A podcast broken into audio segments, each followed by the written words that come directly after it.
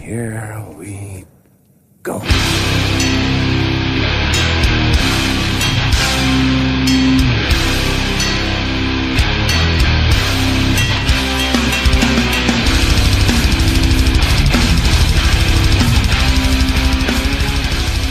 Ja men fan vad kul! Vi är tillbaks nere på noll avsnitt 81. Eh, Jag, Robin Lindblad, sitter här med Danne Nätterdal, Hej. David Olsson Tjena.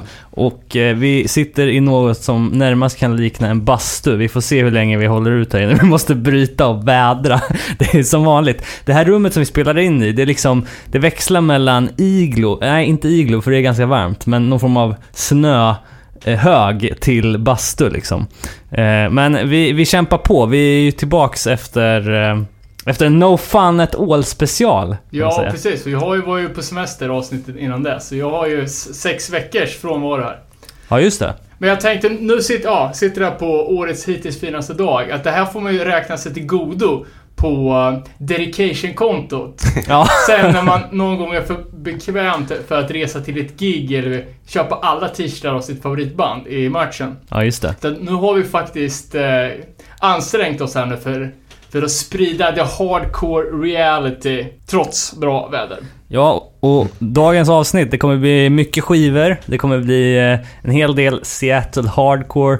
Eh, Men vi ska börja som vanligt med några veckor av feedback. Vilket vi ändå får säga, fan, det, här- det är väl eh, första originalavsnittet på en och en halv månad som du Ja. är med i Danne. Så yes, go ahead. yes, vi... Eh, senaste Rebirth of Skatepunk Pride-avsnittet då, Magnus Larna Larnhed skriver vill här lite ta åt mig äran för namngivningen av Fakta. Ursprungligen benämnd Faktamannen, aka, ak- a.k.a. den dryga fulla jäveln i brillor som alltid var så jobbig på borgen. Sen så skriver eh, Winnie att vi borde få med Adhesive och Tank Surfers. Eh, vi, vi jobbar väl på... Det är en, en rolig detalj som vi kan passa på att nämna att eh, vi kommer bli mer och mer resbara här framöver i takt med att vi äntligen byter ut våran eh, utrustning. Så podden kommer bli mer mobil kan man säga. Och att vi fick lite mer smak av No Fun-intervjun. Det var ju kul alltså. Verkligen. Eh, och sjukt kul också, det är många tillrop på Instagram om folk som har eh, ja, förslag på saker att prata om och vill att vi ska svänga förbi. Så att Ja, fan vad kul. det är kul. Sen säger Andreas Johansson, eh, så jävla bra avsnitt Ingmar Jansson. Skratta högt många gånger och skönt att veta att Inner Rhyme-videon inte var er idé. Det var väl ungefär det. Det var flera glada tillrop från Anders Dahlberg och Stefan Wrenning också om att det var bra, bra avsnitt. Så att eh, återigen, tack Ingmar. Eh, vi fick ju även angående för, förra avsnittet Midwest Emo. Peter Falkenäng skriver att Eh, ni nämnde även post-hardcore-bandet Fire, eller eh, från Orange County eh, med medlemmar från bland annat Hard Stance. Det vill säga Zac De La Rocha som spelade i bandet men så sen hoppade du av och bildade Rage Against the Machine. Eh, och tipsar om eh, eh Keep My Soul Awake 7 som släpper Crisis Records. Den är fan jävligt bra. Mm. Eh, ja, den är bra. Eh, han spelar ju dock inte på den, men på demoinspelningarna som sen skulle bli 7 men det här hade man ju vetat om man hade följt vår YouTube-kanal och kollat in avsnittet när vi snackar Ja, om det. eh, guld i rebacken. Eh, och då Hard Stand. Jag köpte fan den i reback i USA när jag var där senast. Ja, men det finns Väl spenderade 3 dollar eller vad Ja, fan det det kostar. finns så mycket i de där reabackarna som man skulle vilja snacka om om man bara orkar ta sig tid. Men det kanske vi gör någon dag. eh, tipsning vi fick, eh, som jag inte vet om vi har snackat om, det är ju Antagonize. Eh, Gabbe skrev på, på vår Instagram, tipsade om Bane-sångarens nya band. Ja, det var ju inte så jävla fjåkigt. Nej, det tycker jag verkligen inte. Stundtals föll de ju in i lite så klassisk Bane-sång, tyvärr. Men förutom det så var det ju, var ju- var ett steg i rätt riktning. Ja, verkligen. Så kan man verkligen säga. Eh, tipsar även om att eh, Shark Attack, om ni kommer ihåg Spex, hardcore-bandet från tidigt 2000-tal, Reunion, de släppte ju en diskografi på Six Feet Under här för inte så länge sedan. Eh, och även Count Me Out. De var, var jag jävligt inne på. Mm. Ja, det varit var nog alla eh, ett tag där. Ja. Sen så, jag vet inte, det är inte direkt feedback, men ändå någonting som måste nämnas. Och det är ju det tragiska som hände med Avicii. Jäveln skulle gå och dö och sabba för oss. Vi hade ju vårt bästa avsnitt här nu då. med No Fun At All specialen och tänkte att nu kanske vi kan hamna på någon sån här meriterande topplista. Okej. Men den jäveln har ju, eller hade, också en podcast. Jaha. Avicii podcast. Och eh, nu har ju folk gått in och tröstlyssnat på hans gamla podcast. Så eh, de åtta första platserna var ju Avicii. Aha. Och vi kom på elfte plats på topplistan musikpoddar den veckan. Inte upp på topp 10 som jag hade hoppats. Fan. Ja, vi får väl göra ett nytt försök den här veckan. Den jäveln, han kan förstöra till och med... I, Postumt. Till och med från graven. ja, eh, ja men vad fan, jag, jag hade ingen mer feedback än så. Vi kan väl dan- dansa in på Hänt i veckan istället. Hänt i veckorna. Ja, exakt. Och eh, vi kan väl, ja, jag vet inte om vi ska börja med skivor. För jag har rätt mycket på det. Ja, go ahead. Ja, först och störst och viktigast i mitt liv, Satanic Surfers, Back from Hell. Eh, ja, den är ju släppt nu. Eh, jag har en, eh, jag har lyssnat på den ganska mycket. Eh, jag tycker ju att överlag så är det en bra platta. Men det är några saker som sticker ut här kan man ju säga. Alltid men. alltså, mycket av... Eh, alltså jag vet inte hur jag ska framföra det här utan att framstå som en idiot, men antalet solon i varje låt och antalet stopp i varje låt är någonting som jag har suttit och, och gått igenom, bara för att jag tycker att det sker ju hela tiden. Det är det som gör att den här plattan... Alltså såhär breaks menar du? Ja, alltså att de stannar upp och slutar spela. Och Det sen så... klassiska skatepunkstoppet. Ja, fast det är ju inte så jävla klassiskt. Alltså det är mer så här, det är bara uh, hackar till. Eh, så... Men, Ja. Men om man övergör det blir det ju, då går det ju fan inte ens att lyssna på. Nej, exakt. Och jag tycker att det är lite för mycket på den här plattan. Alltså, Self-Medication framförallt, spår nummer tre, den har fyra sådana passager. 7-8 gånger Over Fast och Paying Tribute, det är två på de låtarna. De andra har inte så många, men det känns ju som att det är i alla fall minst en gång per låt. Så liksom, och det är ganska korta låtar, så det blir ju... Och, och samma sak med solorna liksom. Första spåret, The Usurper, öppnar med ett halvsolo, det är ett solo i mitten och sen är det ett solo i slutet igen. Där har vi totalt tre. Catch My Breath öppnar också med ett kort solo. Orättvist att säga att det solot är ett helt solo då kanske, men det är en solodriven refräng.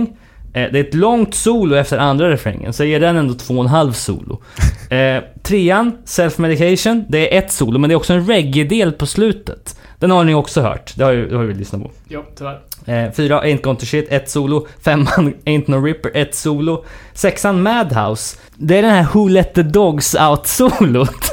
om ni har lyssnat på skivan. Sen, ja, sen är det ett eh, redigt utro-solo, så det är nästan fyra solon i den låten. Men kan, kan det vara så här att någon gitarrist bara, ja, okej, men... Nu har jag lärt mig spela, så Nej, nu ska jag fan spela Ja, solo. jag, jag, kan, jag kan ställa upp och göra en skiva till, men då ska jag kvotera in så här många solon, annars är inte jag med. Ja, nej. Nej, för det har aldrig... Alltså jag kan inte minnas att det har varit så här många solon tidigare skivor, men det kanske det har. Men är inte Atlas Losing Grip är väl också rätt solo? Ja. Eller i alla fall så gitarrslingebaserat. Ja, precis. Men där funkar det för att låtarna är mycket längre. Liksom. Rakare på något vis. Och man kanske har andra förväntningar på Satanic Surfers. Eh, Men jag, jag, ja, sen fortsätter det, det är ju liksom solon. Men ändå, det finns ett par riktiga hits på den här skivan. Typ Going Nowhere Fast. Där ska jag säga att de sista 20 sekunderna, så hade man velat att hela skivan lät. Jag är, jag är inte supernöjd, men det finns ett par hits. Det ska bli kul att se hur de gör dem live. Har du ett sifferbetyg eller? Eh, nej, jag jobbar inte med någon skala, utan jag jobbar med magen. Eh, magkänsla. Eh, ja, sen... Uh, no Fun at All Grit har vi snackat ganska mycket om. Jag har bara fortsatt lyssna på den sen, sen sist. Eh, det är det som snurrar mest. Jag tycker den är uh, svinbra. Pratar du om nya Pennywise eller? Ja, det tänkte jag faktiskt komma till. Never Gonna Die, har ni lyssnat på den? Jag tycker att den fan är klockren. I alla fall de första fem spåren är ju riktigt bra. Sen tycker jag att det är, segar ut lite, men... Omslaget var ju bedrövligt. Om...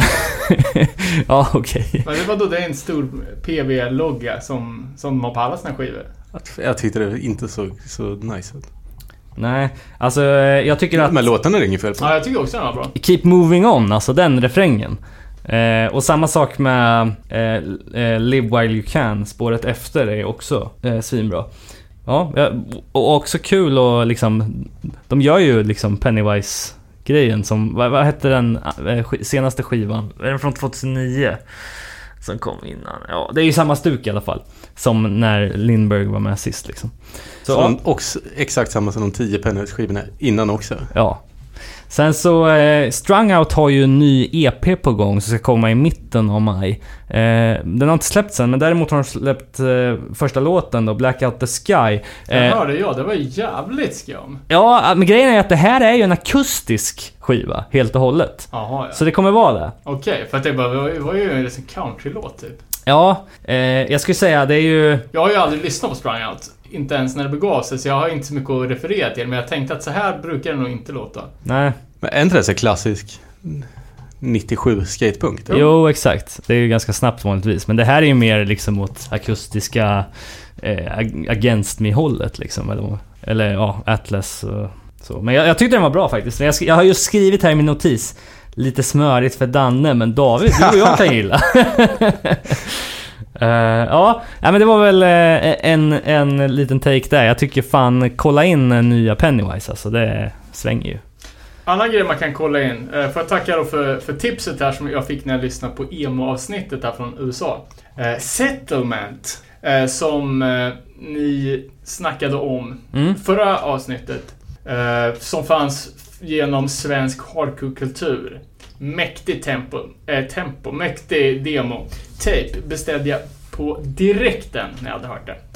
Eh, rekommenderas varmt. Eh, sen har jag lite punkter här på, på det som heter Hänt i veckan, så då som är pissgammalt. Eh, Waste jobbar på ny sjua. Eh, så den kanske är inspelad och klar. Eh, släppt till och med, jag vet inte. Men det är ju värt att kolla upp. Eh, sen har jag skrivit eh, PSK, festivalen alltså, som alltid brukar vara påskhelgen, ställer in. Det här är ju lastgamla nyheter.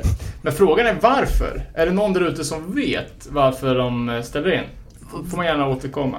Brukar inte de gå ut med band tidigt också? Jo. ah, Vad var det i, skulle det varit i år då? eh, Det var ju The Strike, inte de som släppte på Victory. Det var ingen sån här dunder-lineup. Men... Eh, jag vet fan, jävligt skumt att de bara rätt vad det drog ner rullgardinen. Var det inte Exploited också? Möjligt. Sen var det ju då Maximum Rock'n'Rolls eh, aprilskämt. Eller var det ett aprilskämt? När de gick ut med en... Kan det varit en eh, doktrin eller pressrelease eller kanske bara en tweet. Där de skrev att de skulle sluta prata eller skriva om band som släppte sin musik eh, i klorna på typ eh, eh, multinationella företag som YouTube, Spotify, Bandcamp och Soundcloud. Eh, skulle ju kunna vara 100% sant eller också var det ett aprilskämt. Jag fattar aldrig. Var det första april eller? Nej, det var det, som- det var det enda som inte talade för att det var ett, ett första aprilskämt. Men nu för tiden så släpper ju folk aprilskämt typ i februari. Ja, exakt. Och sen så Och få förbeställa ett aprilskämt? Ja, typ. Och sen så avslöjar de det på första april. Apropå det, såg ni Have Heart att släppa en ny sjutummare. Ja, just ja. Yeah right. Som visar sig vara en sjutums linjal. det var faktiskt lite fyndigt. eh, aprilskämt från Bridge 9. Sen har ju Aaron från Death Threat slutat som pizzabagare. Mhm. Sorgligt. Det franska beatdown-bandet Fat Ass, som folk kanske kommer ihåg. Jävligt bra. X Fat Ass X. Bra band. Eh, har annonserat nytt på eh, Knives Out. Eh, och Knives Out Records ska även släppa en eh, 10-tums version av Humanity is the Devil. Inte officiellt än, men eh, bolaget gör ju bara så superexklusiva produ- produkter med, ja men typ så här, eh, skurna omslag och mycket picture och grejer. Mm. Eh, Vi har jävligt, jävligt coola saker men det känns som de alltid gör med band som ingen samlar på. Det. Ja men, ja, men det är ju bara så, såna fulband, To Crawl Space Ja, och... ja, exakt. Ja men, ja, men det, det, det kan nog bli en jävligt cool grej. Så det gäller ju att vara på... Hade tå- på Judge gjort det där, då hade de ju sålt en miljon sådana där så fort. de säljer alltid slut på... Det är som Supreme. De släpp, säljer slut på sekunder efter pre-order. Eh, på de sjukaste grejerna. Sen har vi engelska Ironed Out. eh, Om ni kommer ihåg dem. Som lät lite som Itan Concrete. Har annonserat ny, e- e- ny EP. Brace War, gamla Richmond-bandet, ska släppa ny sjua till sommaren. På Triple B. Eh, Även Criminal In- Instinct från Atlanta ska ju släppa på Triple B också. Uh, apropå Atlanta då. Det som låter som ett Atlanta Crunk-band. Murga Twins. men som är en dansk bokningsduo. Har ju annonserat en festival. eh, kommer fan inte ihåg. Murder Twins Ja, men Production. Vad fan heter den? de brukar ha Murder Twins fest typ. Ja. Med sjukt otippad eh, line-up här då. Eh, TSOL, Battalion of Saints, Dayglow Abortions och Bone Crusher. Det är jävligt... Ganska fett ändå. Ja. Eh, band som man typ aldrig har sett på hemmaplan. Eller, eller inte ens på Bort, bortaplan. bortaplan i Danmark. eh, även eh, de The War Goes On. Typ punk. Är inte de från Danmark? Jo, exakt. De skulle också lira. Sen såg jag att Protester och Line of Sight är bokade för tre datum i Sverige. eh, Med start 18 juni. Mm. Eh, De kör Malmö, Göteborg, Stockholm. Eh, Jävligt fet. Känns det som det kan bli ett besök. Ja, det kan bli kul. Får jag bara rulla tillbaks till det du sa om Brace War. Jag fick för mig att den skulle släppas i sommar, var det så? Ja. Eller var det till hösten? Nej, sommar. Ja, för alltså, det känns som att Triple B liksom... Vad fan har de? Echo Strike, Brace War nu, Soul Search hade de i alla fall. Ja, jag kommer fan inte Eh. ihåg, men de har ju allt som... De har väl... Fury! Ja, de har väl Crime Watch också. Ja, just det. Tror jag. Det känns Men ju som... det kändes som de inte gjorde mycket på ett tag. Nej, typ. men, men nu har de ju alla bra band. Ja, liksom. ja, men det är väl ett sånt där bolag som är nästan för stort för att bara vara en hobby. Ja. Och så får man göra det i lite olika ryck liksom. Precis. Eh, eller är den nya Crime Watch 12 släppt på Triple B? Jag vet inte. Nej, de släppte ju fan på Locking Out. Hmm. Den var ju ganska fet i alla fall. Det bästa med, med den var ju att det nästan bara var gamla låtar också. Det, är, det sämsta man vet från sitt favoritband är ju om de släpper nytt material som man måste lyssna in sig på. På, ta, på tal om gamla låtar, Power Trip har ju släppt en compilation av material från 2008 till 2014 som heter Opening Fire. eh, det är ju liksom allt som de inte har släppt på LPs. Ja, är det de gamla sjuorna eller? Ja, typ. Eh, det är också eh, remasterat av en snubbe som heter Arthur Risk. Som är involverad med, ja, Eternal Champion men också War Hungry och Cold World. Ja. Säkert någon man borde veta om det. Sen den eh, samlingstejpen Fresh Volume 1. Eh, som eh, Screw bland annat var med på. Mhm. Finns nu åter att köpa på kassett. Om den inte har tagit slut igen. eh, från Youngblood Records. Sen såg jag att eh, Gorilla Biscuits. Eh, inget nytt. Jo förresten, de har ju släppt ny, nya färger på de här plastgubbarna. Så de har visst något nytt. Eh, Fan, jag, jag vill ändå ha en sån liten någonstans. Eh, ja, de här var ju bara så här, typ splatt, ser ut som splattervinyl typ. Riktigt osmakliga. Men deras sjua eh, har ju pikat på, på Ebay för 6000 dollar.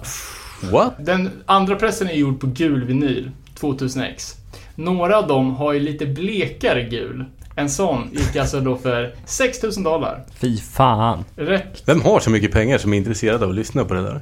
Ja, det är helt... Ja, det är märkligt. Märkligt. Sen eh, veckans bästa merch. Terror, som vanligt, har släppt en ryggsäck. Ah. Ä- Eh. ändå liksom mer ansvarsfullt än skosnören. Ja, eh, och Bad Brains har ju gjort ett par eh, Vans-dojor i rastafärgerna, de tre olika färgerna. Tillsammans med Supreme. Prislapp 6000 spänn. Uff. Eh, är, är det nytt verkligen? det, för mig är det nytt. Men alltså jag undrar vilket... eh, Det måste ju vara Terror eller Bad Brains då som... Oj, ursäkta. Eh, Som man först kommer kunna ha alla kläder på kroppen av. Från ett band. Jag undrar vem som har gjort kalsonger. Fan, det här får vi ju kolla upp. och sen ska man ju då ha någon så här brandad typ eh, energidryck eller bärs i näven också. Ja, såg ju nya Madball-videon. Sluta med en stor tragisk Monster Energy. Fuck alltså. Men kan vi ha det som uppdrag till nästa avsnitt? Att vi ska ha så många items från ett band som möjligt. ja, absolut. Det kan bli en bra utmaning. Eh, Sen hade ju du skickat en rolig bild på The Used. ja, exakt. Berätta. Nej men, de har ju tydligen kickat ut sin, eh, sin gitarrist. Men alltså The Used, det är väl mer mainstream än något annat. Men, eh, Ja, jag vet, ja, det kanske var därför jag inte kände till dem. men det roliga var ju att han... Det eh, är väl ett såhär emo-band? Ja, exakt. Det roliga var att han hade en stor Straighters tatuering på bröstet. Det var det som var det roliga. Och sen Ja, hade, men ja. han hade kickat ut den för att, ja det ryktades ju om att han var pillertrillare liksom. Att det var Men, men, men det står ju också att han hade fått eh, vad heter det? Heter det besöksförbud? Ja, restraining order. Ja, exakt. Att, att bandet hade sökt om besöksförbud. Ja, Att han inte exakt. fick vara närmare än 100 meter. Då litar man ju 0% på den snubben. Jag spelar de Globen eller något, sitter han långt bort vet du, Ja. då är, kan det fan vara safe alltså. Sitta och stirra. Eh, jag såg också att eh, Hate 56 eh, hade lagt upp en eh, ny dokumentär som heter No Delusions, a Chicago Hardcore Documentary. För- tydligen för första gången någonsin upplagd online. Eh, det är Ah, right. en dokumentär om Chicago Hardcore-scenen från 80-talet till 00-talet. Eh, och det är intervjuer och live eh, footage från band som typ Plan of Attack, The Killer, Harm's Way, Weekend Nachos, Punch in the Face, Repos, Extinction, Race Traitor, Charles Bronson, Los Crudos. Ja, Okej, Mycket sånt. mycket nya grejer. eh, så eh, hate56.com slash no delusions. Eh, och apropå hardcore-filmer. Unity Now. Eh, inte en dokumentär, utan en spelfilm som hyllar hardcore-kulturen. Kommer visas på Alive and Well Fest. Ah! Det första som händer efter att dörrarna öppnas på 44 Så missa inte det, kom tidigt. Kom tidigt. Eh, ja, eh, men det var väl det vi hade hänt i veckan då. Eh, vi tar och vädrar ut och sen dansar vi in i Seattle Hardcore. Ja, okej. Eh, folk trodde att vi skulle snacka om grunge idag, men eh, det blev ju Seattle Hardcore. Eh, så vi ska bena ut så gott vi kan här. Och Men vi lär göra grunge någon annan gång. säkert... Det känns som ett höstavsnitt. Ja, jag vet inte. Jag är så jävla då. Jag missar hela den där grejen alltså. Ja, jag, jag, kan, jag, jag kan... Jag kan ingenting om det. Aldrig lyssnat på alltså. Men eh, det känns ju som att det är lite besläktat. Så om du Ja. har något jävla grunge... Heter det grungehead? Grungehead ja. Eh, som vill komma och grunge-gästa så är det ju fritt fram. Men eh, vart tar vi avstamp i den här Seattle Hardcore-historien egentligen? Eh, ja, jag gillar ju att börja från början.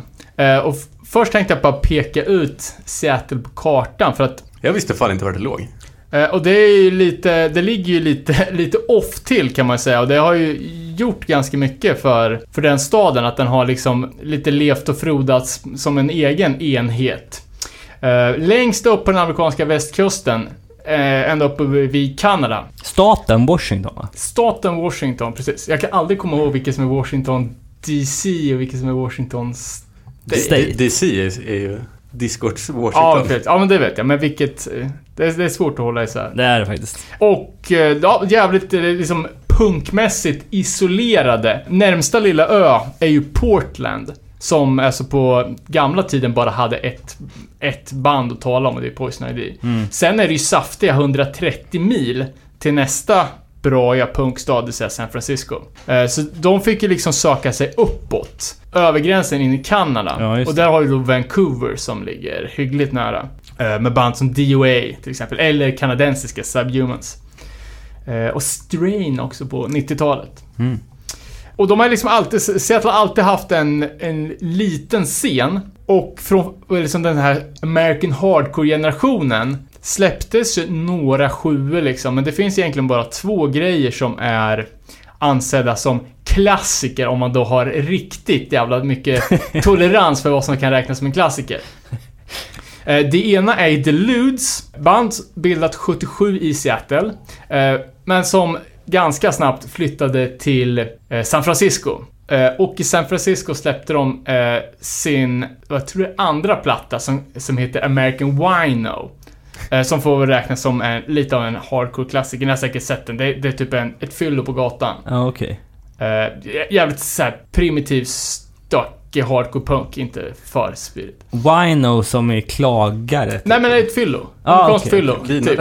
Det är liksom den här, handlar väl om den amerikanska livsstilen typ. Men som sagt, de är bara ursprungligen från eh, Seattle.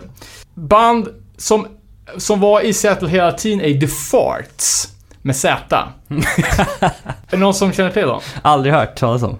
De, de har ju en ganska bra claim to fame. Mhm. Eh, och det är ju att Duff McKagan, eh, som sedermera blir basist i bandet Guns N' Roses, Ah, okej. började med The Farts. Eh, och de släppte en sjua är det väl, som heter uh, Because This World Fucking Stinks. Eh, som, som eh, ändå räknas som en, en riktig punkklassiker. Uh, sen finns det även bandet The Cused, som har hållit på jävligt länge. De började till, redan 81. Men det är ju liksom, de vart ju allmänt kända långt senare och de är ju liksom ett sånt här, alltså verkligen crossover thrash metal band men som ändå är jävligt punk. Uh, har aldrig riktigt lyssnat på dem faktiskt, eller har inte lyssnat på dem alls faktiskt. Men de har ju släppt typ asmycket. Men man har sett skivorna Ja, ja, ja. tusen gånger. Med så här bra, liksom, eh, ja men cartoons med, ja men så här splatter cartoons liksom. Men hur står de här skivorna sig i, liksom, jag tänker i förhållande till andra klassiska skivor som kom i den eran från andra, liksom, artister? Ja. Är de lika populära på Discogs som... Nej, Liksom, nej det är de inte. Det här är ju mer, alltså det här är ju obskyra grejer. ja, Skulle jag säga. Men de var ju inte först på någonting heller. Det är ju bara någon efterapning av Ja, ja, ja, ja men San precis. Francisco-band som lät så. Eller? För, för, förmodligen. Jag vet inte... Eh, Ludes vet jag inte om de började redan 77. Jag vet inte hur deras första material lät. Det kanske var straight up hardcore, då hade de ju kanske någonting på gång. Men alltså det är ju väldigt... Alltså det är inget som har gjort några bestående avtryck. Första bandet av den, liksom den andra vågen av amerikansk hardcore, som man brukar räkna någon gång där 85-86. Eh, och det som är liksom, det är relevant med det, det eh, hardcore-avtryck som Seattle skulle sätta på kartan. Eh, Det är bandet False Liberty. De släppte en sjua eh, 1986 som heter eh, Consensus Silence. Och det är typ lite så här, alltså f- fast core. Alltså, det, så, som band spelar jävligt mycket just på den tiden när de inte riktigt visste vart de skulle ta vägen. Eh, För att det är liksom den gamla klassiska eh, tidigt 80-tals hardcoren var typ dead and gone. Eh, Och nu visste banden liksom inte vad de skulle börja göra. Så det är lite så här liksom, spela jävligt snabbt i, ja men DRI... just det. Lite, lite trash-influerat kanske också. Ja men precis, lite eh, lärm. Sådana Såna, grejer. Det går fort som fan.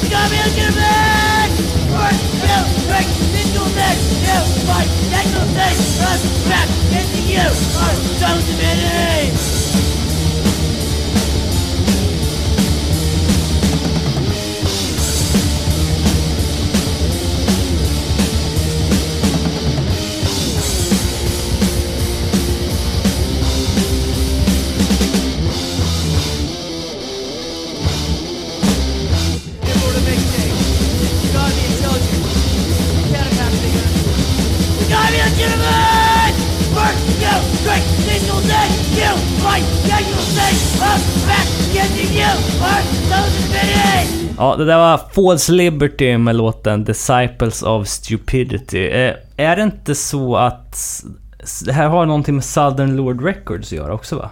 Eh, jo, verkligen. För- Jo, ja. det stä- stämmer bra. Men För- det är ju dock långt senare. Ja, okej, okej. Från sjuan Silence is Content, eh, som släpptes på One Step Ahead Records. Eh, som jag tror bara gjorde fyra releaser, men som alla är jävligt solida. Eh, och det är ju eh, Rest in Peace, is Rest in Pieces 12 My Rage, eh, End the Warzone-samlingen, där till exempel Straight Ahead eh, officiellt släppte sina första låtar. Pos- vad fan heter det? Heter det Positive Kan det heta Positive Mental Attitude med de lärm holländska speedcore-bandet som jag nämnde förut. Ja, just det. Helt, helt okej sjua. Ligger för 100 spänn på Discogs om man vill eh, klacka den.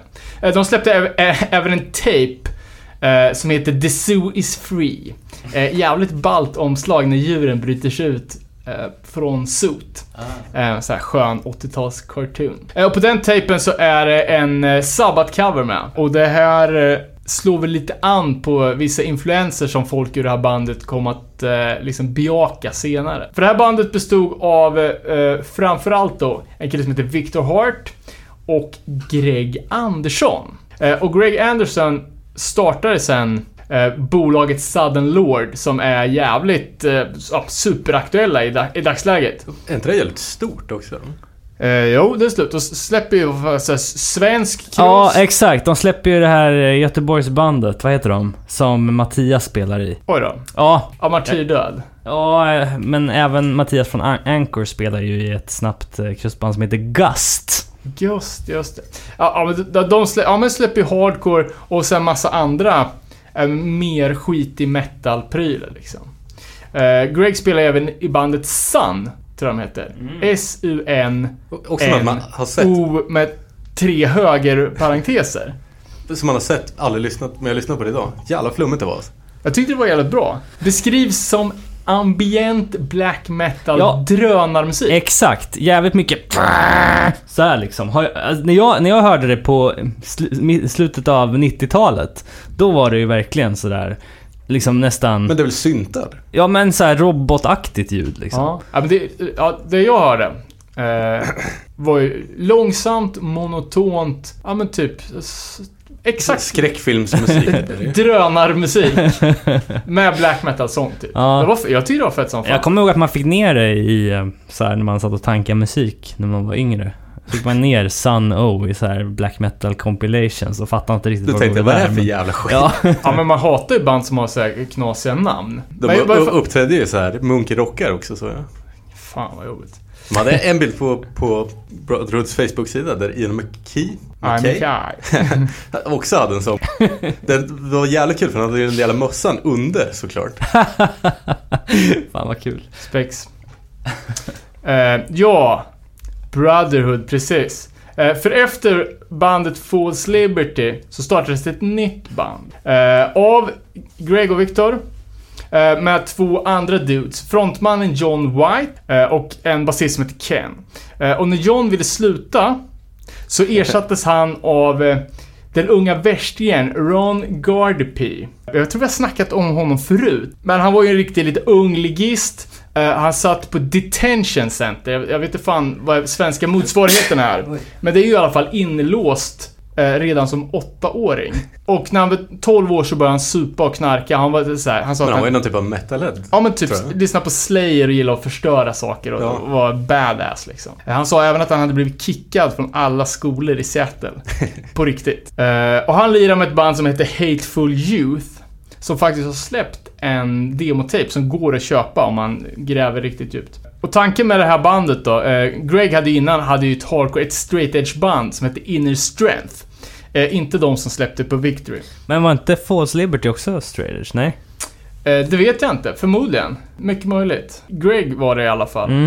Eh, Men när- Ron då kom med i bandet, då ville Ken inte vara med längre.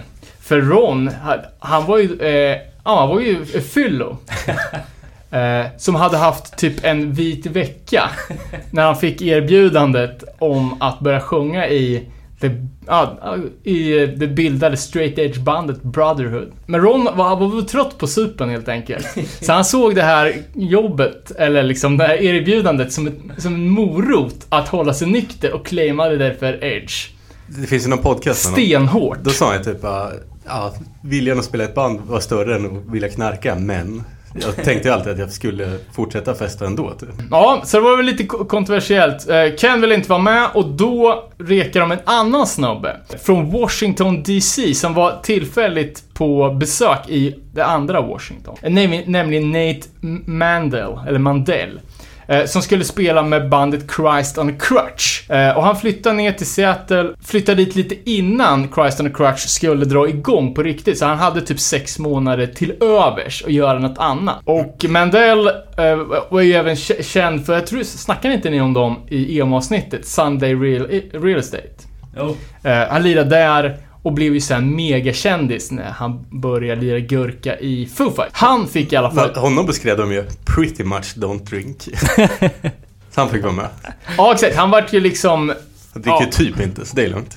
Eh, han vart ju in, inkvoterad som nästan straight. Och det, det här förklarar väl lite hur jävla lite folk de hade att reka, eller liksom rekrytera av uppe i Seattle. Eh, och nu snackar vi någon gång liksom 87-88. Och bandet spelar in en demo, eh, Brotherhood, of, Brotherhood of Friends.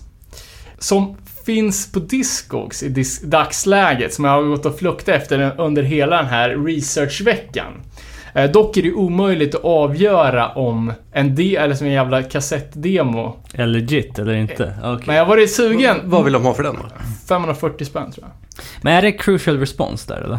jag. Eh, den kommer ju att återsläppas Ja, ah, okej. eh, på Det här tyska är, har de släppt själva tror jag. Ja, det är, det är en vanlig DIY-kassett liksom. Eh, alla i bandet jobbar ju på Kinkos. Vilket är en sån här kedja med eh, kopieringsställen. Och det är alltså antal hardcore-personer som har jobbat på ett Kinkos runt om i USA är ju typ, det är nästan komplett lista. Alla som har haft ett fanzine, spelat i ett band. Det är tur att Dweed inte har gjort det, för då hade det ju Jag tror, världsekonomin jag, jag tror han har gjort det också. dött typ. Man, man tog, ja, det var ju liksom ett, ett skitjobb att stå och kopiera åt folk. Eh, men sen då på natten så gjorde man omslag till sitt band eller, eh, eller fanzines och grejer. Just det. Och var, var fan var vi? Ja, vi hade precis börjat komma in på Brother. Ja, första just det! Den är demon. Och jag var jävligt sugen för att den är så jävla bra. Jag tycker fan att det här är ju ett av de... Fan, det finns en jävla känsla i det här bandet som... Men- men- svår att greppa alltså. De har ju bara en inspelning väl? Sjuan är, det är ju samma, det är samma, all, allt är ju samma. Är Allt samma. Jag tror det.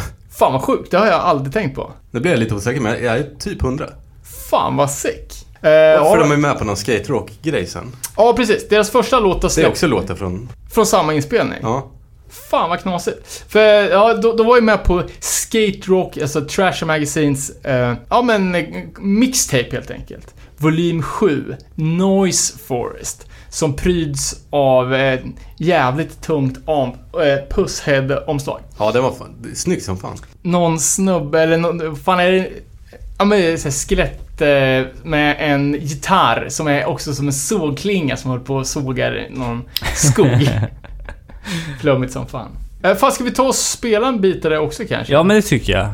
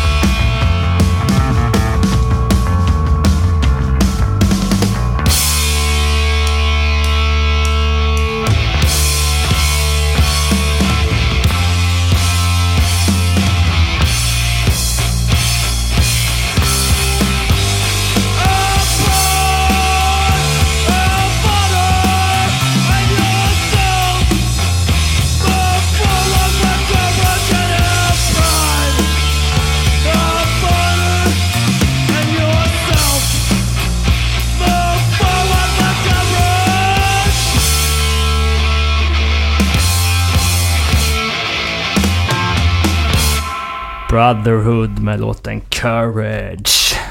Klassiker. Vi, vi, vi satt och benade i det här med vilka låtar som är med på vilken. Men vi säger att det återkommer i alla fall låtar från demon på samtliga släpp i alla fall. Eh, Ja, alltså de har ju... så- De, ja, de har ju... Släppen är mycket enkelt. Det är en demokassett, en sjua, Mm. eh, sen ett återsläpp. Där både demon och sjuan är med. De har varit med på några komps. Och sen som tårta, som grädde på tårtan, att Southern Lord och Overkill Records eh, återsläppte Till Death Complete Discography för typ två år sedan på vinyl. Och bland de här kompsen då som var med- på så är ju Generation, Generation of Hope. Eh, en av de mäktigaste hardcore-samlingarna från, eh, ja men typ där 89-90. Med Confront, Chain of Strength som kör sin hårdaste låt någonsin. Och två feta eh, Orange County-band, nämligen Push the Side och Against the Wall. Det är ju fan en, eh, också en jävla... Det är en 100 Line-up, k- ja. kronors skiva som bara måste köpas av alla där. Men det som jag tycker är så jävla fett med Brotherhood är att det är lite svårt att sätta fingret på det, men de har ganska sound. Det är så jävla... Det är lite mörkt, det är lite reverbigt. Och jag som, som skriver texter ibland, vet ju liksom att man, man får så en låt och ska skriva text till. Och det bara finns inget att gå på. Och det känns lite som att det är så de har jobbat. Eh, för jag tycker att liksom själva sångupplägget är jävligt okonventionellt. Eh, men det liksom presenteras på ett sånt jävla känslofullt sätt. Alltså man hör verkligen att han, Ron, att han brinner för det här, att han menar vad han säger.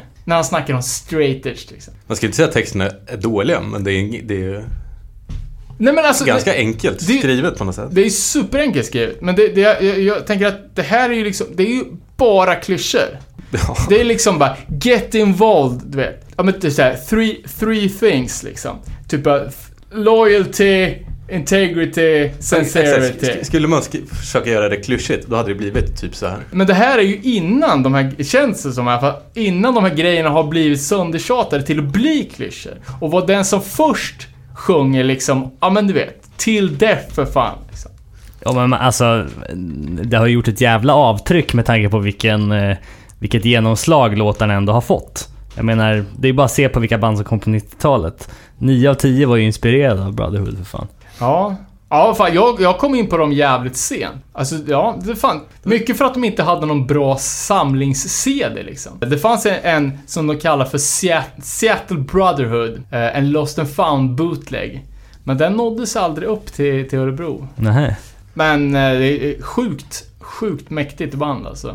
När man läste lite om det, då sa de ju typ att de var så först med att vara antirasister. Ja, fan det, Det tänk, det tänkte jag också på. grej. För man bara, jaha. Var det rasism något stort utbrett eller? Det kan det ju inte ha varit heller. Ja, uh, precis. Men i, i låten eh, No Tolerance for Ignorance. Och det är ju liksom sån jävla megaklyscha. Men det är ändå liksom, ja. Det är ju 30 år sedan för fan. Ja, men precis.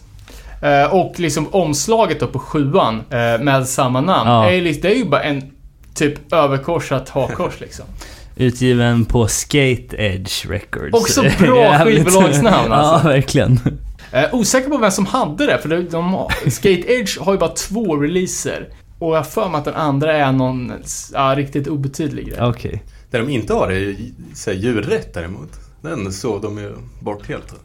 Ja men jag tror, alltså det här är ju fan före Can't Close My Eyes. Nej, eh, um, We're Not In This Alone. Så jag tror inte djur, djurrätten var inte etablerad i hardcore. Nej. Alltså det här är ju för, före nästan det mesta. Det var ju bara Rat som satt hemma i England och var statement vegan på kammaren liksom. Ja. Så det är ju, alltså det låter ju kanske skumt med, med dagens eh, mindset. Mm. Men eh, det var ju liksom en icke-grej. Ja, att bry sig om djur exakt. på den tiden. Liksom. Ja, spännande. Vad kommer sen då, efter Brotherhood? Alltså, är det fler band eh, som man ser poppa upp som tar tydligt avstamp i det de gjorde där? För jag menar, de, de la väl ner ganska omgående efter att de hade startat? Det var ju bara något år va? Ja, det är Typ en jävligt kort karriär. Eh, Greg fick ett nytt jobb. Eh, han flyttade ner till San Francisco och började spela med Amenity. Som eh, till, till en början var riktigt, riktigt bra, mer så här straight up hardcore. Som blev lite mer post-hardcore mot slutet. Men han sa i den intervjun att de typ hade åkt på en turné. Och så har blivit så jävla mycket ovänner. Typ att det här går inte. Typ. Vi skiter i det. Ja, ja, ja det, är, det är möjligt. Nej, eh, Ron gick... Ron och eh, Hart, Victor Hart, eh, bildade ett, ett nytt band sen som heter Resolution. Som skulle vara fortsättningen på Brotherhood. Fan, aldrig riktigt fastnat för det alltså. Det är, det är lite punkigare och det är med jävla konstigt ljud alltså. Det är mycket, så jävla mycket trummor. Eh, också jävligt rakt. Har släppt en, en 10-tummare med pissfult omslag eh, och en eh, split med ett band som hette Undertow. Eh, och Undertow blev ju liksom arvtagarna sen för liksom, ja, det blev nästa flaggbärare av Seattle Hardcore. Och Greg för, beskriver, eller det var nog Ron kanske som beskrev det ganska roligt. Att en dag så kommer Greg och har med sig sin tjejs lillebrorsa. Som är alltså betydligt mycket yngre. Typ 12 år. Så bara, ah tja, det här är vad han nu hette. Eh, han har också ett hardcore-band. Och sen så, eh, och det var ju bandet Refuse. Aha. Eh, inte att blanda ihop med något annat. Nej. Superkids. Som, jag vet inte riktigt vad de hade snappat upp det här ifrån. Men eh, som var, ja men ett klassiskt straight edge hardcore band då, 92. Eh, typ 12-åringar som bara får hänga med, med de, ja men kanske 18-20-åriga eh, resten av Brotherhood då. De tyckte väl att det kändes lite skumt, skumt först, men sen så bara, nej men eh, Youth of Today hade liksom Crippled Youth som sitt liksom lillebrorsaband. Abinanda hade, Refused hade Ab- Abinanda, Ja, exakt, alltså, exakt. bara nu måste vi lära upp de här liksom. Så de hade, de åkte runt till alla föräldrar till de här kidsen och frågade bara Hej, hej, jag heter, jag heter Ron. Eh, vi tänkte, ja men typ, ta med dem här på turné. Och jag tror de kanske var med då på den enda Brotherhood-turnén. Eh, så de vart verkligen fostrade liksom eh, av det storebrorsabandet Brotherhood. Brotherhood är ett band som aldrig gjort reunion heller va? Eller? Jag vet inte, på, på Undertow reunionen, så lirar ju Brotherhood ett miniset. Folk går bonk. Inte, ja, exakt, inte annonserat. Finns det rörligt på det här eller? Ja, det, Ja, det det- såg jag på YouTube. Okej. Men det som jag aldrig riktigt har fattat, så Undertow har släppt massor med grejer. Eh, alltså ett hyggligt stort band på 90-talet, men Känns aldrig som det varit något sätt. Det var ju aldrig något trendigt band. Nej, de har aldrig... På. Nej, de har mest legat på lokala bolag. Eh, Excursion Records. Eh, och även på Overkill. Så de har aldrig liksom... Hade det varit ett Revelation-band, eh, då hade de kanske blivit legender. Eh, men av... För det är fan ganska bra. Ja, det är, det är bra. Det är bra 90-tals hardcore alltså. Och har släppt jävligt mycket... Jag köpte bootleg-scenen Lost and found. Den hade jag också. Edge of the Edge of Coral. De visste i alla fall om man skulle sätta titlar. Ja, ja verkligen. Eh, Fantastiskt. Nej men alltså, när folk pratar om Undertow så, så låter det verkligen som att de var jävligt stora i USA. Ja. Ja, de, de släppte mycket på Overkill Records. Eh, Overkill var ju Ron Gardapies bolag. Eh, och Ron var ju så själva Ja, spindeln i nätet i hela Seattle Hardcore. Det var typ så pass att han fixade liksom om... Eh, om ett, någon typ behövde en gitarrist. Då kunde han bara, ah, men typ så här leta på någon som ska spela gitarr. Sen fixar han en lägenhet och ett jobb till den här personen. Så bara Tja, du, nu har jag så här. Vill du komma och spela gitarr med dem? Ja, du har allt. Liksom. Eh, och han hade via Som någon typ av så här bemannings... Ja, men typ. service. Ja. Och ja, liksom hade en lä lägenhet som han hade nya roommates med hela tiden så folk kunde flytta in eller Ja, så folk hade någonstans att bo. Eh, och via sitt bolag så hade han kontakter med alla, så han distrade allting, spred allting. Både från Seattle och till Seattle. Eh, och bolaget släppte ju, det, alltså det som är det fetaste är väl, släppte ju eh, första Integrity-förlängdaren. Eh, For Those Who Fear. På kassett och CD var det som gällde på den tiden. Ja, och han släppte ju även en... Ja, jobbar mycket med CD och kassetter. Han släppte även en, en, en CD med No Escape. Bandet som är mest kända för att ha gjort en split med Turning Point. Eh, Det är också ett New Jersey-band. Eh, Och No Escape släppte en ny låt här i veckan. Ja. efter 25 års tystnad. Jävlar. Är det reunion på gång eller? Ja, eller de kanske aldrig la ner? Jo, nej, de har nog inte varit sagt det. Och de släppte äh, även äh, Philadelphia-bandet Battered, Battered Citizens. Också en fet sjua. Ja. Sen så behöver vi väl komma in, vart är vi nu rent eh, årsmässigt? Typ 92, Undertow bildades 90 blankt. Mm. Eh, och de jobbar sig, ja de, De måste ha släppt tre, fyra fullängder. ja, de, har, de har släppt massor. Eh, det är lite för... Alltså absolut inget fel på det, men det är bara lite same old same old. Det har aldrig blivit liksom riktigt, riktigt mitt band på något sätt. Ja. Det är rätt cool sång dock tycker jag. Ja, alltså det finns, det är ingenting som är, är dåligt. Och sen känns det som att Seattle-scenen dog ut lite ett tag. Eh, kanske beroende på att, att eh, eh spindeln i nätet Ron tröttnar lite på att hänga. För det är som, eh, han blev bara äldre och äldre och de nya kidsen vart bara yngre och yngre så han kände sig inte liksom... Ja men liksom en riktig del av, av eh, scenen. Så han började åka ut och turnera med de hardcore-banden som gick över till att bli så här. Ja men du vet när New York Hardcore skulle bli lite major label. Typ Burn och eh, när de blev eh, Orange 9mm och Quicksand och de här. Mm. Eh, då, då lämnade han Seattle och åkte och turnerade typ i tre år. Åh jävlar.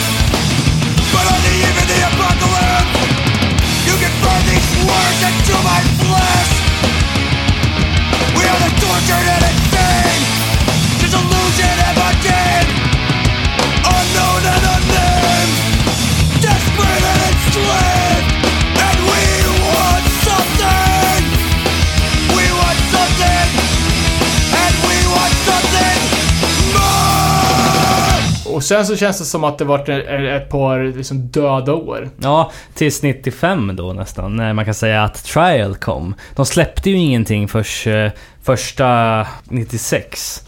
Trial som sagt, stor influentiell, eh, influentiellt hardcoreband från Seattle som väl, ja, höll den staden på kartan eh, under tio års tid. I alla fall fem års tid. Ja. För de pumpade ju ur tre fullängdare från eh, 96 till 99. Och det var ju ganska, ganska överbefolkat av metalliska hardcoreband under den tiden. Alltså det var ju många så här stänkare som kom ut. Men eh, den skivan som, som jag lyssnar mest på, det är ju den som kom 99, Are These Our Lives. Också med tanke på hela mm, liksom, grejen med Trial, textförfattandet och eh, Greg ben, vad heter Bennick, Bennick, ja. Bennick som, eh, som frontman liksom. Men det var så, alltså det som gjorde att vi valde Seattle, kommer du ihåg det? Det var ju att du kom med förslaget bara, fan vi borde snacka om alla de här bortglömda banden, typ Trial. Ja, ja, just det. Och så bara, ja absolut. Eller ska vi köra Säter, Trial med Säter? För alltså jag, jag Men Trial är ju lite mer credit än Undertow. Lite ja, jo, ja, men det är mer känt nu. Men alltså, ni, jag mm, fick ju tag på, på Our Lives när den kom då, 99. Ja. Och det är alltså jag, visst, eh, typ kanske 2005 såg jag att Boris hade en trial keps. Det var första gången jag hörde talas om någon annan som ens hade hört det bandet. Ja, Och den, alltså den LPn var, den är ju fan groundbreaking. ja alltså. verkligen, verkligen. Men det var, alltså jag, ingen som, som, som diggar den. Och jag var ändå liksom ganska så sen på, på bollen. Ja, jag var ännu senare kan jag säga. Jag kom inte in på trial förrän Mona bokade dem till typ Antifest 2009 när de spelade i Haninge. Eh, I Sverige. All right. Fan, det, Det har jag också helt missat. Eh, och, och, och det var ju eh, så att det var en, av- jag tror, jag vet inte om det var en av några få återföreningsturnéer som de har gjort. Ja, för jag vet att de ner. turnerar, de har kört, de är- gör ganska bra fester i eh, Europa. Och jag har inte, alltså jag har typ inte hört någon annan prata om Trial förrän de spelar på Flufffest, typ för något år sedan bara. Ja, okej. Eh, Så det är skitfest för att det här är verkligen ett, ett så här, som jag tycker är ganska bortglömt band. Eller så, som jag har upplevt i alla fall. aktiva från 95 till 2000 som vi sa. Reunion 2005 där de gjorde några spelningar i Seattle, London och faktiskt Budapest. Så som du sa, eh, Europakopplingen är stark Ja, där. Men jag tror att han, sångaren och eh, själva motorn i bandet, Greg Bennick, jag tror att han har ungerskt påbrå. Eh, och han har, han har eh, även eh, sjungit för ett band som heter Bridge to Soulless. Ah, Som, eh, som gick ganska hett i Örebro. Ett ungerskt band som Path of Return stötte på ute på vägarna på deras första Europaturné. Okej. Eh, som släppte, en- ja, men, eh, om jag inte minns fel så är det en lite Ignite-osande eh, hardcore-dänga. Eller eh, fullängder från typ 2003 kanske. Är det ungen han är ifrån också? Men alltså, fan jag eh, snöar in lite på, på Greg. Ja, Har du någonting på honom? eh, ja, lite. Men eh, alltså, kör så får jag fylla i. För jag tyckte han hade så jävla, så jävla brokig bakgrund, får man ändå säga. För han, han verkar ha varit liksom en liten eh, störig, uppviglande anarkist redan som unge liksom. Eh, när han, han gick på, på, på i high school så, så kämpade de för, för att få en skola fri från lärare. Och alltså, då var de seriösa, men nu skrattar de åt det. Liksom bara, ja men så här tänkte vi. Att vi skulle lära oss själva och varandra. Eh, och då, då hans, hans första band hette Biodegradable Grandmother. och släppte demon The Year of the Happy Penis. Som var någon sorts uh, fulpunk antar jag. Fan vad långt ifrån de här TED-talksen han gör nu. Men. Eh, ja men som, som fick ändå ganska bra spridning där på high school. Eh, och efter det så har han sysslat med jävligt mycket flummiga grejer. Det coolaste han gjorde var dock att han åkte med på Inside Out på deras sista turné som talare. Eh, lite udda dock. Men sen så har han ju då försörjt sig som jonglör. Han har pluggat trolleri. eh, han bodde ett tag i Syracuse. Där han jobbade med att göra masker till teater. Eh, sen flyttade han då, han, han kom från, från Connecticut. Eh, och efter eh, efter Syracuse, han gör ju bara bra hardcore-städer, så flyttar han då till, till Seattle, för att plugga teater. Han regisserar även en, en teater. Som du har sett. Eh, Men det som, det, det som var lite skumt och som också är liksom nästan ett litet tema då, för, för att eh, Greg då, han är ju super straight edge. Men i den här teaterpjäsen så röker han Jaha. på scen. Men han är också regissören. Alltså han, det är han som har skrivit manus och instruerat sig själv till att röka sig. Men eftersom det är en teaterpjäs, alltså ingenting kan ju gå före konsten liksom. Nej, exakt. Så det är ett sånt jävla bra loophole för dig Robin. Om du känner att du behöver ta ett blås. Ja, precis. Ja, som sagt, jag säga, eh, ja, försörjt sig som jonglör. Han hade även eh, eh, typ ett bemanningsföretag för typ så här, cirkusartister. Så han hade ett visitkort eh, där det stod typ så att han, han kunde eh, fixa mimare, jonglörer och barnvakter och så clowner och sånt. Fan vad sjukt. Fan, eh, bemanningsföretagen är starka i, i Seattle alltså. Företagsamma. Ja. Eh, ja, någon gång då så, så startade han i alla fall ett... Alltså han låter ju som en riktig jävla jöns liksom. Men han startade i alla fall ett, ett scene. Eh, ett politiskt scene som hette Headline Communication. Eh, och eh, våren 94 så startade han ett old school hardcore band. Men som skulle ha det här liksom lilla, liksom, att det skulle vara ett jävligt politiskt band med ett klart och tydligt budskap. Och bandet då hette Headline från början, men för att inte blanda ihop det för mycket med sinet så bytte de sen till Trial. Men det är så jävla sjukt för att jag lyssnade på Trial, alltså, vad fan i, vad fan blir det, från 99 till, ja men 20 år då? Eller vad blir det? 15 år? Mm. Jag har aldrig fattat att de var ett speciellt politiskt band. Nej. Jag var för, chockad. Vad fan, vad ska de spela på fluff för? Alltså det kändes som malplacerat. För om du kollar på liksom bandfotot. Det är liksom så här baggy jeans. Lite tatueringar rakade skallar. Ja, men det, vill säga, det, är- det är inte så man, man tänker liksom ett så ultra, ultrapolitiskt eh, anarkistgäng. Liksom. Nej, precis. Men texterna är ju ändå, får man ju säga, väl... Alltså, de pratar ju mycket om oppression och sådana Ja, saker. alltså ja, ja, absolut. Men, Men jag har aldrig fattat för texterna är ju också... Eh, alltså de är så jävla... Det är, så, det är väldigt mycket metaforer och alltså... ja, exakt. Det, det är väl kanske en bra recension på ens egen eh, intellektuella kapacitet att jag inte liksom har liksom kodat ur det här. Så, Nej, så om, man bara inte- lyssnar, om man bara lyssnar på orden så alltså, det, jag, jag får liksom Det är inte... Alltså det är inte, det är inte Mob 47-text liksom. Nej, eller maroon eller... Liksom, eh, ja men typ så här.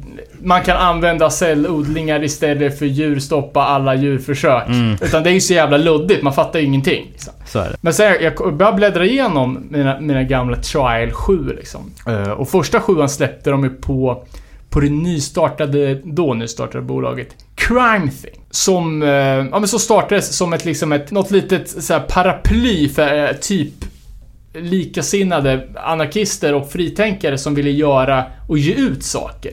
Eh, vare sig det var eh, böcker eller filmer eller musik. Eh, men liksom om man lyssnar på det första Trial 7, Through the Darkest Days. Så det, det är ju liksom nästan, jag ska inte säga tough guy.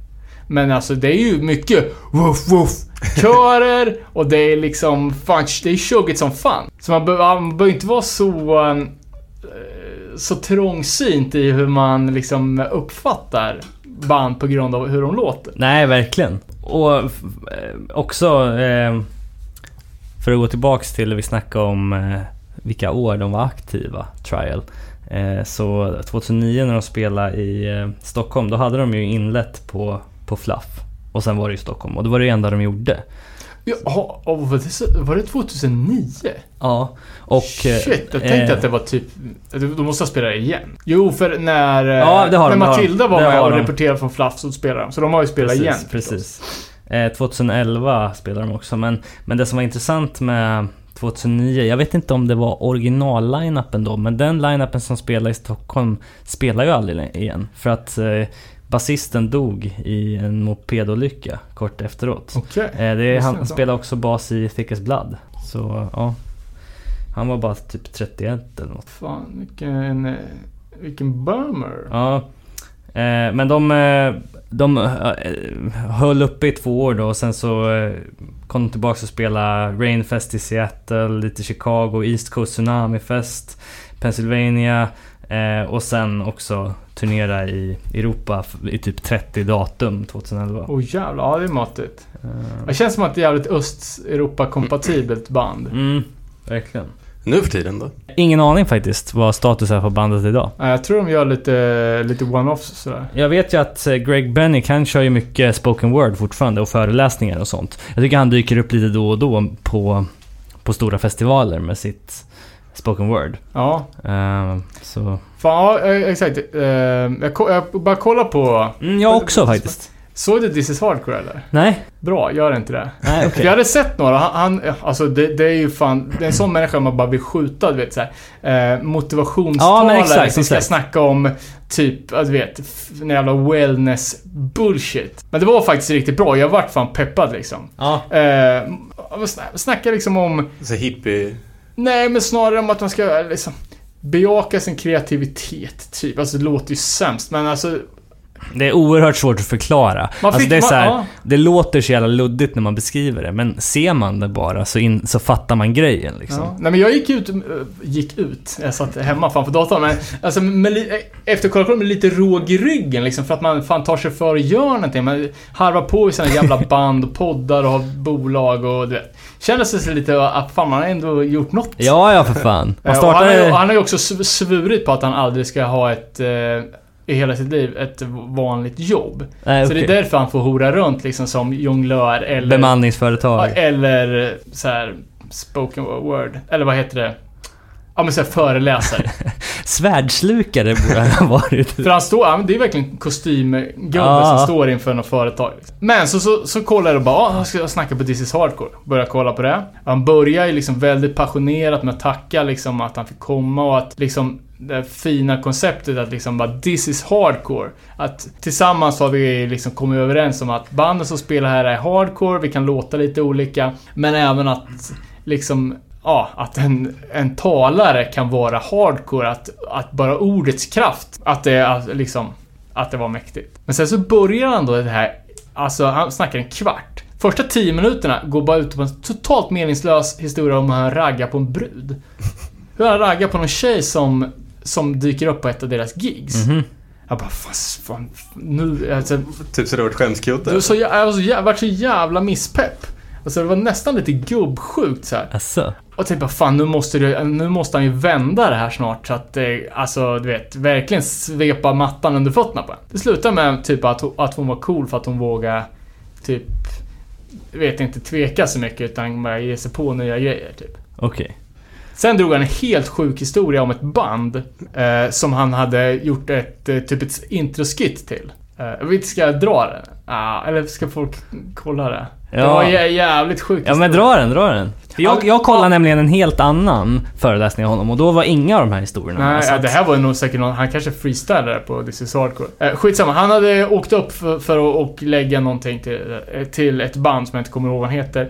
Och han sa det bara, anledningen till att ni inte kommer ihåg de här var för att de Ja men de försvann. Då typ där de bodde så, så fanns det typ något, något eh, ett spot, typ såhär, badställe. Eh, som var att man kunde dyka ner typ som en grotta och sen så kan man simma typ några meter och komma in i ett hemligt rum. Det, det var typ såhär klassiskt att, att kids brukar dra in dit. Ja men typ kanske röka på eller festa eller bara hänga ut liksom. Ligga, vad vet jag. Så då skulle de där eh, bandet göra det. Och en vågade inte hänga på in, så han väntade utanför. Och de andra fyra kom aldrig tillbaks. What? Så no, av någon anledning så hade det bildats ett vakuum i det här rummet de skulle komma upp i. Så det fanns ingen luft. Fy fan. Så, så person nummer ett börjar simma och du vet, bara sticka upp huvudet över vattenytan och dra ett andetag. Och känner att det där rummet finns ingen syre. Så han bara panik, börjar simma åt andra hållet. I den här tunneln då, där, där hans bandkompisar på väg åt fel håll. Så att de krockar typ. Och ingen kommer tillbaks. Åh fy fan vad mörkt. Det var tungt alltså. Fy fan vad mörkt. Skulle ha uppnått med den och skippa den här jävla raggningsstoryn alltså. Ja, Eh, verkligen. Nej, det var fan... Det är nästan som vi behöver öppna fönstret här nu. Ja, exakt. exakt. De gick in och skulle spela in en podd och de aldrig mer ut. För, för ventilationen var röv. Nej, men, Men ja, vad fan, jag antar att ni kom in på trial via fullängden också? Ja, För alltså det är ju bara... De har ju bara släppt en riktig fullängdare. Det andra är ju... eh, hopplock av deras gamla låtar. Ja, ja, okej. Ja, alltså eh, du tänker på Foundation och Through the Darkest Days? Ja, precis. Och eh, demon... Eh, de gjorde en kassettdemo först. Okej. Eh, som de sålde slut på första giget. Shit. Eh, den har ju släppts av York Records på en tia. Mm. Så det är ju demo, två sjuor. Som har getts ut då först som en... Ja, den, demon kom ut som en tia. De två sjuorna kom ut som en LP.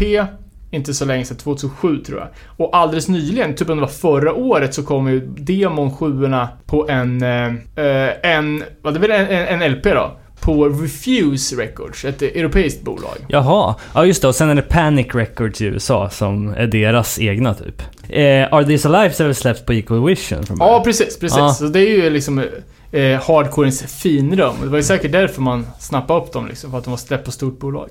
Men den är ju, jag säger ändå, fan, nu kommer ju inte jag in på dem 99. Men jag menar med tanke på... Nej men det var ju också den sista riktiga grejen de gjorde. Ja, men med tanke på hur mycket metalliserad hardcore som hade kommit innan där så måste det varit svårt att, att slå sig fram. Ja, Alltså- nej men det är så, alltså det, är nog, eh, det här är ju någonting som vi garanterat måste lyssna på. Men det är ju så jävla, alltså, ja, man kan väl... Om det är någon där ute som inte har hört den här, eh, den här plattan så börjar den ju med ett jävligt maffigt cello och fiolintro. Ja. Som dessutom är egenskrivet och eh, det är ingen jävla sampling utan det här är ju folk som har skrivit och spelat in. Och för att sen gå på ett jävligt otidstypiskt, tidstypiskt och otippat dubbelstampsparti. Exakt! Är, ja, det, Och en virvel som är intonerad till perfektion alltså. Det är det som gör, alltså jag tycker den här skivan har ju sånt jävla bra ljud ja, alltså. ja, alltså när man, när man har hört det introt, då var man ju hooked alltså. Ja, ja nej, och sen så lyssnar vi ju på eh, Introduction och Reflections från Are These Alive i början av det här segmentet. Och det var lite...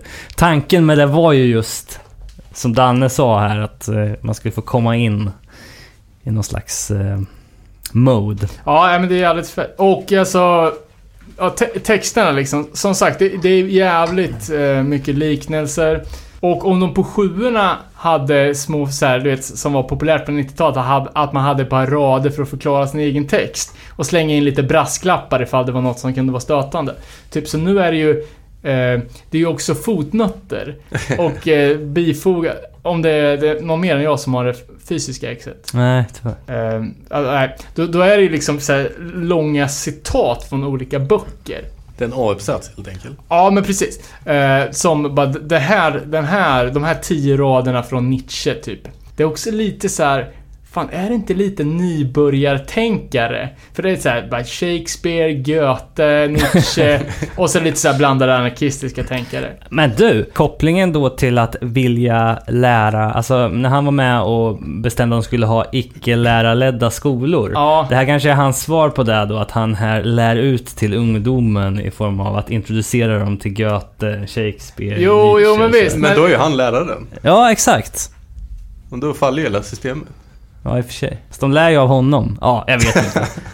ja, jag vet inte. Men eh, jag, jag tänkte bara att typ att... Att det Att det är känns... psykologi A eller? Ja, men lite så vad fan. Om man, om man läser mycket, om man läser mycket på riktigt, då bör man, då bör man inte citera Shakespeare liksom. Då får man ju citera något lite next level. Det här känns ju som lite så här, typ, du vet.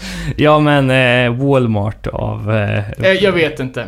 Skitsamma. Men liksom att de, att de har vissa passager ur andra skrifter om att den här låten handlar om det. Eh, Sen har de även en låt, jag tror det är an, andra eller tredje spåret, som, där de nämner en familj vid namn. Och han, det är liksom en liten parentes där. Kommer jag, har jag inte antecknat vad fan den här snubben hette? Dåligt. Men vad är syftet då med, med namngivningen? Ingenting? De sjunger, nu kommer inte jag ihåg vad snubben hette som de, som de Ja, vi kan ju kalla honom för Andersson då. Ja, eh, When the Andersons were burned alive in 1979. Och så Mm. står det Thanks to the Anderson family for letting me use our, the Ah, family name in this lyric. Och jag sökte på det där. Vad det var, om det var liksom om det var liksom riktiga människor som hade blivit levande brända eller om det var liksom någons skrifter. Alltså, jag fick ju liksom ingen riktig klarhet i det. Eh, men det är ju, alltså, det jag vill komma till är ju att det är superakademiskt. Eh, kanske på eh, A-kursen, men det är ju jävligt akademiskt. Det är därför man inte fattar någonting på Nej, exakt. 15 år. Psykologi A på clownskolan. Precis. Ehm, och de släppte även en, eh, en DVD när de gjorde sin reunion-turné då, 2005. Eh, på den tiden när man gjorde sånt. Det är inget klipp live at Hellfest, nej. S- säkert, jag, jag kollar bara li, lite snabbt. Eh, men där ser man ju alltså vilken jävla pepp det är alltså. Sjuk pepp. Och jag har aldrig sett så mycket stage dives på ett intro kan jag säga. Det finns ju ett klassiskt foto på Greg Bennick också när han står ut mot en publik så här. Ja, Eh, och, och, och, liksom, och det använder han ju också i sin föreläsning på, när jag var på TED Talk. Ehm, Ja, men jag tror det är en ganska bra icebreaker om man ska snacka för ett gäng kontorsnissar. Ja. Typ att det här var jag förra veckan. Så ja, exakt. ja, så kötta sönder på en jävla... Me- mesh shorts och Ja, exakt. Svettigt hardcore-gig. Sen, ja, jag, jag, har lite nya band från Seattle också som... Eller först ska jag säga, innan vi lämnar Trial. Eh, deras... Eh, jag vet inte om det är deras egna bolag eller om det är bara deras amerikanska. Panic Records släppte ju hela Trial-diskografin gratis för nedladdning typ förra året. Ja, Så att eh, man kan gå till panicrecords.net slash trial så har man allt där. Var Bara tanke. Eh, en liten grej är också att allt de har släppt, om vi säger att det är 7-8 grejer nu eh, Alla saker är släppt på olika bolag. Mm. Eh, och det brukar ju indikera att det är ett strulputteband. Jag Mm. vet inte. Bara en liten eh, Side notis. Eh, ja, jag, vet- jag vet inte, alltså. Det, det som kommer närmst i tiden. När ett band försvinner så dyker det ganska raskt upp ett annat. Eh, och bandet som står näst på tur efter Trial är ju bandet Champion. Eh, och det blir, alltså det är ju, nu blir det lite så här hur man, fan, man ska förhålla sig Ja, till verkligen. Svårt så in i helvete. Jag kan ju säga Promises Kept. Den skivan. En av mina, alltså topp fem hardcore-plattor alltså. Eh, gör ju det super, superjobbigt Ja. med tanke på vad som har hänt. Nej, ja, och eh, för de som inte vet då så uppdagades det ju 2016 att sångaren i Champion, Jim Hetske, Något sånt. var ett jävla as. Möjligt även en våldtäktsman. Ja, Kiddy Eh, Fiddler. liksom. Sla- Slash någon typ av pedofil. Eh, ett totalt as som har eh, undgått rättvisa men som ändå har gått under jorden och liksom, ja, såklart då för evigt dragit skam över sitt band. Jag tror till och med jag kan ha spelat Champion i den här podden innan det där uppdagades. Och det blir liksom så, för Man att sätter ju aldrig på Champion hemma nu för tiden. det är... Nej, det. sant, sant. Och det känns ju alltså smutsigt att ens prata om det, liksom som att man skulle uppmärksamma. Men det känns också fel att inte nämna dem och bara lägga locket på. Och så, på verkligen. något sätt så är det ju orättvist för mot de andra, alltså det är många som har spelat i Champion Mm. och som verkligen är dedikerade människor som har gjort, som har gjort, ja men så jävligt mycket. Alltså han, eh, Aram spelar ju i eh, The First Step. In, eh, inte First Step, det är ett annat Seattle-band. Eh, och sen Betrayed och alltså, han hade ju React Records också där en sväng och... Mm, just det. Eh, Ja, som är Flint eller? ja, precis. Eh, så jag, jag vet liksom, ska man liksom ta deras historia liksom, betyder inte det någonting liksom för, för att någon i bandet är ett komplett as? Eh, eller blir de liksom medskyldiga för att de inte har... Har de vetat om att han är pedofil typ hela tiden och mörkat, då ska ju de, kan ju de dra... men det blir så såhär, är man sitt band liksom? Ja, hur, hur de andras i bandets handlingar Ja, påverkar den ja, exakt. Ja, så det är, det är ju skit, skitskumt. Och det blir, alltså, det blir extra så här, knepigt att prata om det live här utan att ha tänkt efter eller pratat i, sinsemellan. Mm. Så vi får liksom fundera lite på hur fan man ska ska approchera det här. Eh, Men, men jag tänkte på en grej som knyter an lite till det här. Och jag vet inte om ni hörde det, men det kom en podcast här för någon vecka sedan som hette The Call Out. Aha. Eh, ett avsnitt i en... Jag skulle gissa att det är en typ amerikansk typ P3 dokumentär. Eh, podcasten heter Invisibilia. Eh, och tar upp olika samhällsfenomen i sig. Jag har bara lyssnat på ett avsnitt. Eh, och avsnittet i fråga hette The Call-Out. Och om man söker i sin podd, eh, där man konsumerar poddar på Invisibilia, så var The Call-Out också den populäraste och kommer upp direkt. Eh, men den handlar då om typ, alltså, metoo relaterade grejer kan man väl säga. Fast i en hardcore Ja, men precis. miljö. För att alltså, det, har, ja, det här Champion var ju också en sån grej, liksom att det blir en metoo-uthängning. Fast det här fanns ju redan inom hardcore-scenen och säkert andra ställen också, innan metoo blev liksom en, en världsgrej. Eh, som, som kallas för liksom en, en call-out. Och, jag och det handlar ju då här om, om eh, Richmond Hardcore. Och jag blev så jävla beklämd av hela den här grejen. Jag kunde inte sluta tänka på det, för det var så jävla mycket som var skevt på så jävla många olika lager. Nu är jag inte helt hundra på att huvudpersonen het, he, heter Emily. Men Eh, det handlar i alla fall mestadels om sångerskan i bandet Ice. Eh, som ni kanske kommer ihåg, släppte en demo 2016 eller 15. Eh, en jävla banger-demo. Som var... ja, Det var nästan det här startskottet för en, den här hela vågen av liksom female-fronted hardcore-band. Liksom. Eh, svinfet demo. Eh, och det handlar ju då om, om Emily. Eh, som hon har blivit utsatt för övergrepp av folk inom scenen tidigare. Och hon tvingas även säga upp kontakten med sin, sin bästa kompis. Som också spelar i, i något band, som jag inte vet vilket. När det kom ut att han också höll på, jag tror att han höll på att skicka, du vet såhär dickpics till folk som inte ville ha det och liksom... V- Vänta, vem gjorde det? Eh, Emelies bästa kompis. Någon, Jaha, ja, någon ja. från ett hardcoreband som, eh, som eh, jag inte vet vilka det var. Något.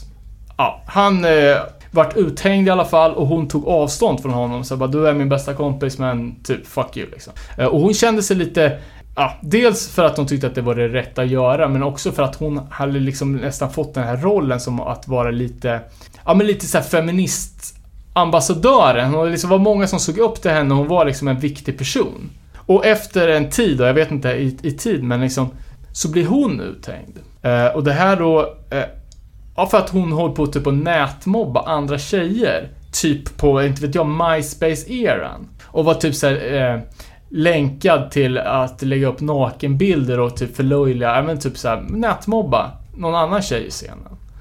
Eh, något som också, alltså också såhär superrisigt beteende liksom. Eh, så då slutade det med att hon blev eh, kickad ur sitt- eller hon fick lägga ner bandet, hon blev förbjuden på att gå på hardcore-spelningar eller vara en del av hardcore-scenen. Och hur hon liksom, hon levde för den här skiten liksom. Men, ja det blir så här förövare, offer, och så känns det liksom som bara, bara lite så här Toblerone-grej också att en kvinna som gör någonting det blir, så, det blir ofta så jävla stor, eh, stor sak om du vet. Mhm, mm. Eh, liksom, typ.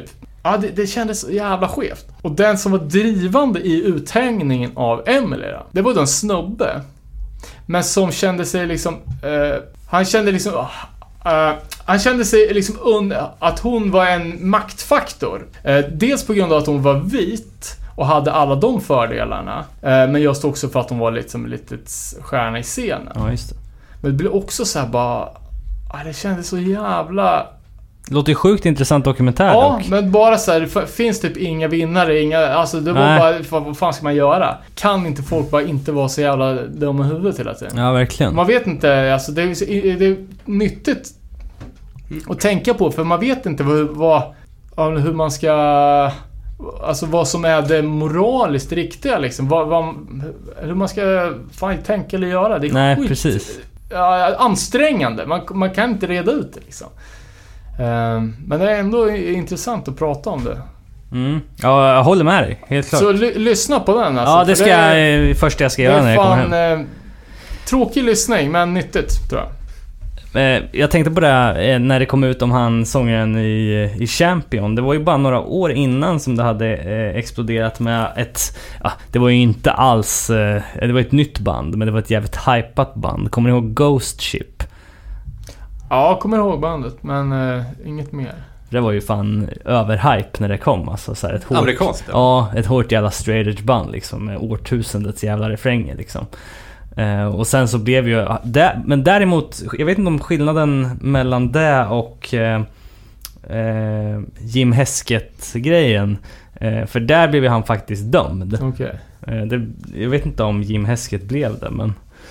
Tror inte det tror jag. Men åter till Champion då i alla fall. Men, ja, men exakt. Men det är ju lite så att i Heskets fall, liksom om man typ raderar sin, off- eh, sin offentliga existens och går under jorden, så känns det ju som att man själv, alltså det känns ju som ett erkännande. Exakt. Ja, nej men jag, fan, jag vet inte. Och Champion... han fick ju sparken ur- alla banden.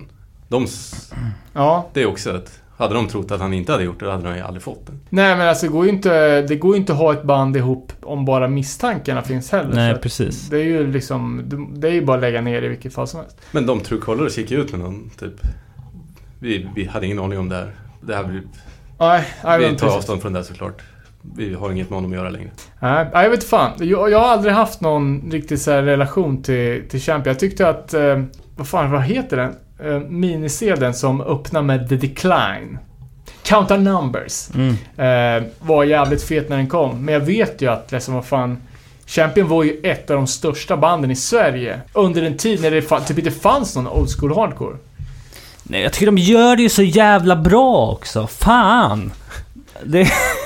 Tyvärr alltså. Ja, nej, men- Rent musikaliskt är det ju Ja, bra. Det har alltså. ju han inte skrivit då. Precis. Men det tar ändå bort det. Det går ju typ inte att lyssna på det. Men, men lik förbannat så känns det ju mer... Om man säger så här då. Det, är mer, det känns ju mer fel i själen att lyssna på Champion än vad det gör när jag råkar trycka igång Blood for Blood. Ja, men jag tänkte också säga det. Jag, jag tänkte precis säga det att jag har ju fortfarande in, inte tagit bort min Blood for Blood-tatuering.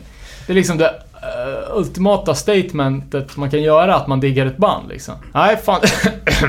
det är fan... Det är svårt. Ska vi gå vidare till något roligare då? Är Ja. det, har, har du några mer band efter eh, champ, eh, Champion-eran? eh, jag har några honorable mentions bara. Mm. Eh, Himsa släppte ju på Revelation. Eh, det är bandmedlemmar från Undertow Trial och Catharsis. Mm. Var inte Eh. de rätt stora också? Det är typ såhär metalcore. Ja, så de blev det eh, senare. Eh, om man vill muntra upp sig så kan man ju googla Himsas promofoton. De ser för jävligt. Eh, sen är det de här, eh, nytt band, Wake of Humanity. Eh, de som har en eh, logga som ser ut som ett eh, fiskbensskelett. Ah! Såhär 90-tals marinbiologisk hardcore. Jävligt fluff-kompatibla. Eh, sen ett annat band som, som är, som är inte är något bra, men som ändå alltså, tycker slår an på någonting, är ju Stay Gold. Välpolerad old school utan själ, typ. Låter som Bane. Alltså sån där jävla Anthem hardcore, fast ännu sämre. Eh, men det är just det här liksom bandnamnet. För jag såg, jag såg eh, det som knogtatuering en gång för länge sedan. Stay Gold. Men det är från någon film. Möjligt. De säger typ Stay Gold Pony Boy. Jaha, typ Grease eller någonting. Ja, jag tror inte det är det, men något liknande. Alright. Ja, för jag såg det bara och sen så tänkte jag bara, det var, det var en bra knuckles liksom. Eh, och sen så såg jag att, att det hade kommit ett band som heter Stay Gold. Tänkte bara, ja, men det är väl legit. Men sen så, eh, alltså det här var ju några år sedan, men ett tag så var det ta mig fan Stay Gold överallt. du k- kommer du ihåg America-filmen?